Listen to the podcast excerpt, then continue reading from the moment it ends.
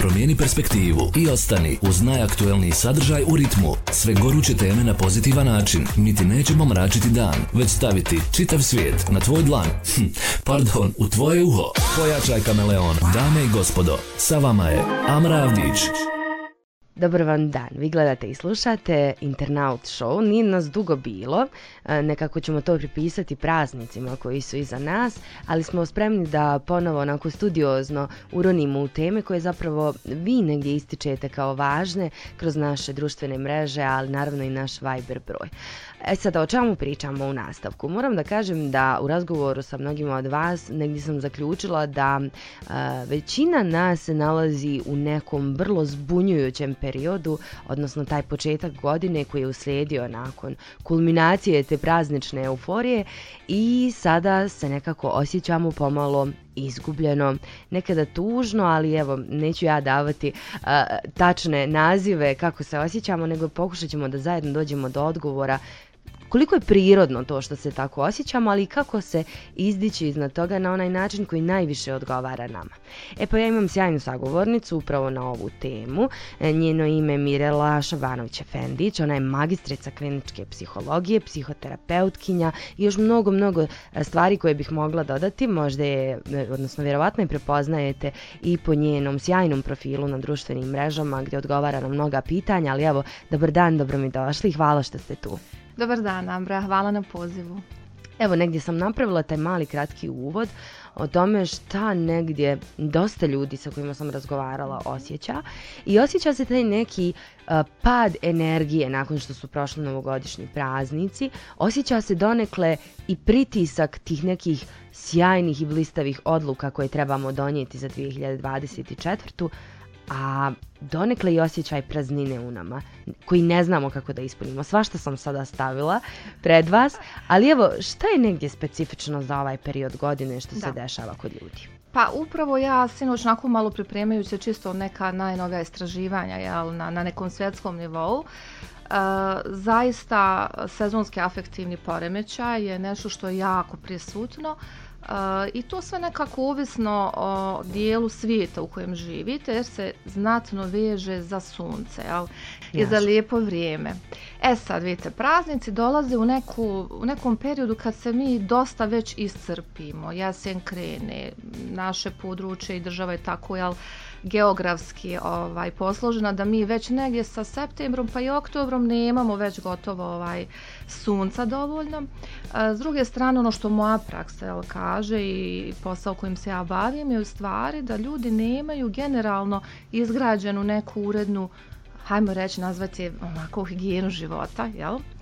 A, ne vodimo mi računa i ne treba samo da se bavimo sobom u januaru, jel? Naravno. Kada nam se završi nova godina i Božić i sve ostalo, nego u stvari to je kontinuiran rad. I ono što se zaista preporučuje i kod sezonskog afektivnog poremećaja, pričat ćemo o tome u stvari kako on izgleda i koliko treba da traje. Ako smo mi onako osjećamo se samo prazno, to ne mora da znači da mi imamo evo sad neku dijagnozu. I ovaj Google doktori i sve ostalo, često mi to nalazimo gotovo jel, svakodnevno.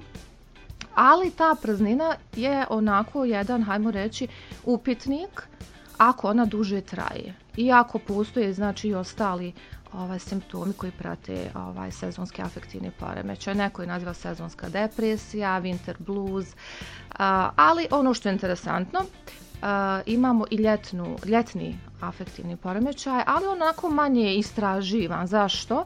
Zato što ovaj zimski više izazovan i u stvari nekako statistika je pokazala da najveći broj suicida se dešava u decembru i to naročito oko jel praznika.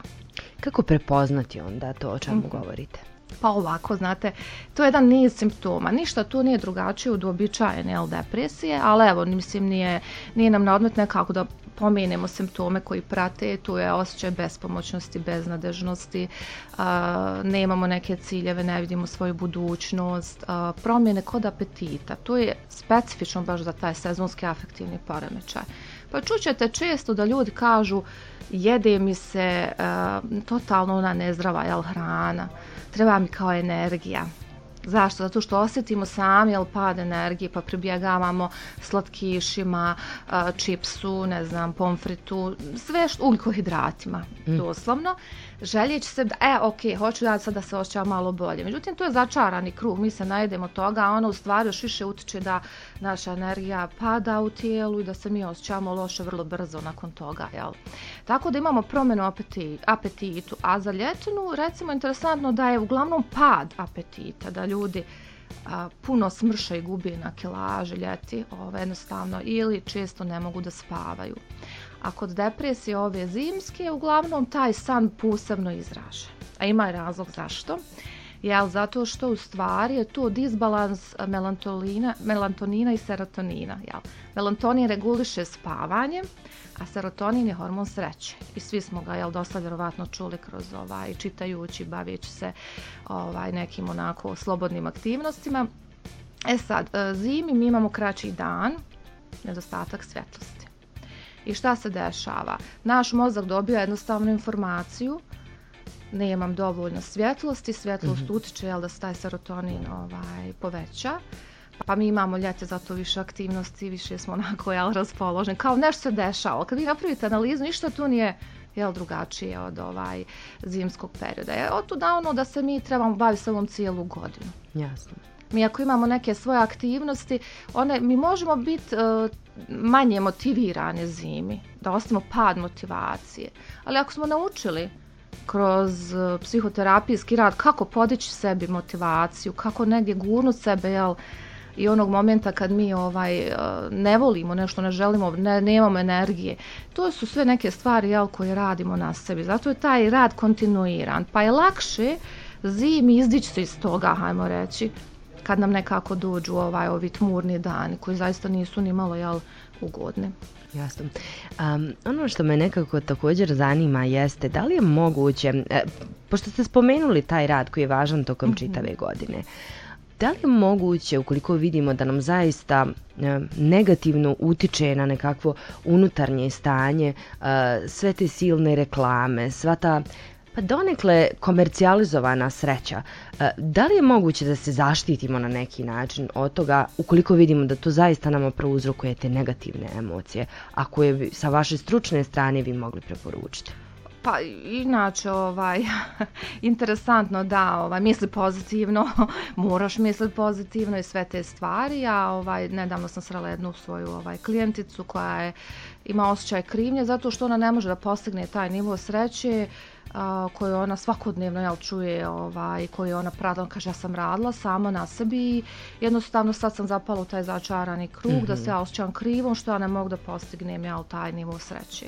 Apsolutno je nemoguće imati konstantno jel, osjećaj sreće svakodnevno. To je već nama upitnik nad glavom. Isto kao i ovo kad traje bespomoćnost, pad motivacije duže vrijeme. To su dvije krajnosti. Jednostavno u psihologiji je jako bitan balans. Mm. Nije apsolutna sreća apsolutno moguća, jel? da smo svakodnevno raspoloženi sretni, ali je ta razlika u stvari da ljudi uh, izgrade taj strah od neugodne emocije. mm Sasvim je u redu osjećati se ponekad i neugodno i tužno i znači to su sada evo po najnovijim istraživanjima ugodne i neugodne emocije, ne pozitivne i negativne, sve emocije. Mi emociju ne možemo izbrisati iz života, jel? nego jednostavno treba da učimo da nosimo tu neugodnu emociju i da znamo izaći na kraj sa nečim. Evo recimo, ako imate gubitak u životu, mi se od toga naravno ne možemo zaštititi, i gubici su dio znači neke naše svakodnevnice. Sasvim je u redu znat i naučiti kako izaći jel, i pustiti tom procesu tugovanja i, i žalovanja koji je sasvim uredan jel, nakon ovaj nekog događaja. Spomenuli ste negdje prije jel, emisije Suze. E, upravo sam to željela da, da vas pitam. Suze koje su stvari, one su nama samo reakcija na ono kako se vi osjećate. E sad, e, emocija stvara aktivnost ili ponašanje. Vi, znači da bi nešto napravili, prije tog morate imati emociju da to napravite. Ako vi gušite svoje suze i ne plačete i ne želite da plačete i to tako potiskujete, a vjerujem da imate takvi jel, ljudi u okolini koji prepoznate. Ko od nas to nije uradio makar jednom? Da. To je pokušaj da skontrolišemo stvari emociju. A kontrola emocija ne dovede nas baš u najbolje stanje. Zašto? Zato što je to jednostavno odbrambeni mehanizam da mi sebe u tom momentu zaštitimo, ali dugoročno ne daje efekte.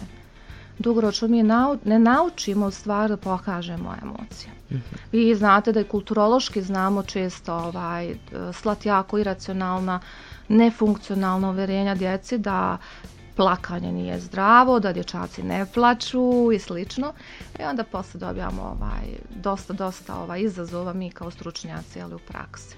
Doslovno mi čitate misli, dok, jer dok ste govorili, ja razmišljam o svemu tome što negdje možda istreniramo kod sebe kao što je prikrivanje tih emocija, kasnije se to reflektuje na djecu, nego i najmanje želimo da projektujemo neke svoje traume e, i slično. E sada, vrlo važno pitanje e, za mene lično je Ukoliko osjetimo ili smo se prepoznali u vašim riječima kada ste pokušali da opišete šta zapravo vežemo uh, za ovu uh, za ovo doba godine i tu depresiju, um, je li to nešto za što možemo samouvjereno reći sebi pa pokušat ću ja to riješiti sam ili sama ili to zaista jednako kao i bilo koji drugi oblik depresije iziskuje stručnu pomoć? Pa vidite, ovaj, ono što recimo mnogi će se ograditi bilo gdje sa šta da čitate, evo na internetu mnogi će reći ok, posjeta ljekaru, jednostavno svi žele negdje ovaj, ograditi sebe. Međutim, ono što je jako bitno, ja želim da napomenem da ako ste vi danas tužni i sutra i prek sutra, to nije sad uzbuna da vi ovaj, trebate, ne znam, evo ok, trebaju mi antidepresivi, ali za svaku dijagnozu generalno simptomi trebaju da traje određeni period. Mhm.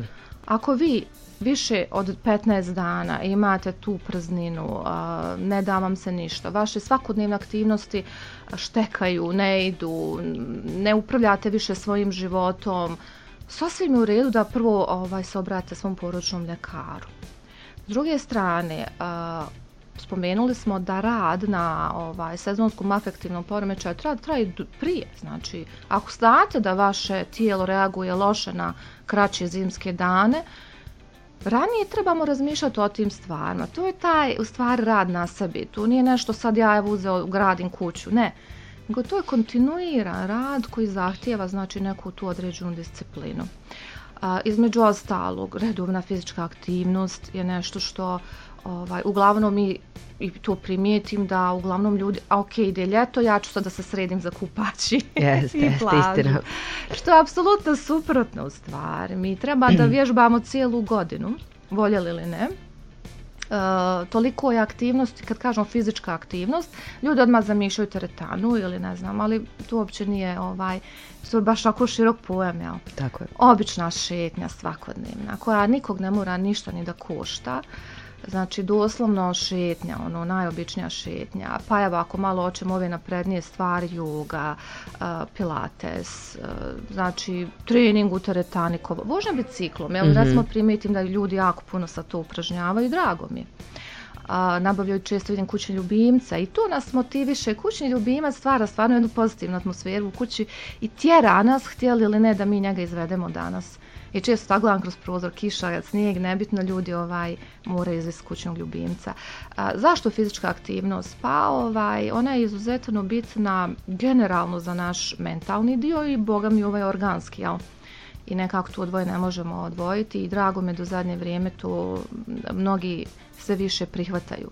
Tako je. Prije se liječio samo organski dio, ovaj, psihički je negdje ostao po strane, ali recimo interesantno, D vitamin koji je jako odgovoran i upravo koji se ovaj stvar stvara pod utjecajem sunčeve svjetlosti, on je jako nizak zimi, on pada, jednostavno nemate ga. Tako da ovaj, recimo tu je nešto što je najnovija istraživanja koja pokazuju da se velike doze D vitamina sve više uključuju ljudima koji ovaj, boli od depresije sklon depresivnom rastu ponašanja. Tako da ima tu još metoda, recimo imate ovaj, sad trenutno, ja nisam vidjela kod nas da je to prisutno, ali recimo van je sasvim ok, terapijski, ovaj, terapije sa svjetlosnim kutijama, gdje vi u stvari imate jednu kao poput ovog ekrana koji je ispred nas kutiju koja emitira svjetlost i one su tako uređene da je ovaj, zašta UVA ono sasvim ok i vi imate određeno vrijeme koje provedete ispred te svjetlosne kutije kako bi ovaj, jel, mozak primio informaciju.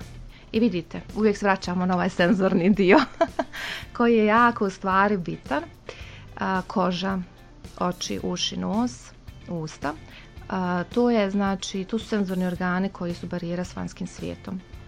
Jako su bitni i jako su bitni upravo iz ovaj psihički moment jer u stvari primaju informaciju i šalju je dalje u mozak. E zato je bitno da recimo ovaj, u vinzinskim periodima recimo ovaj, imamo ove aromaterapije, mhm.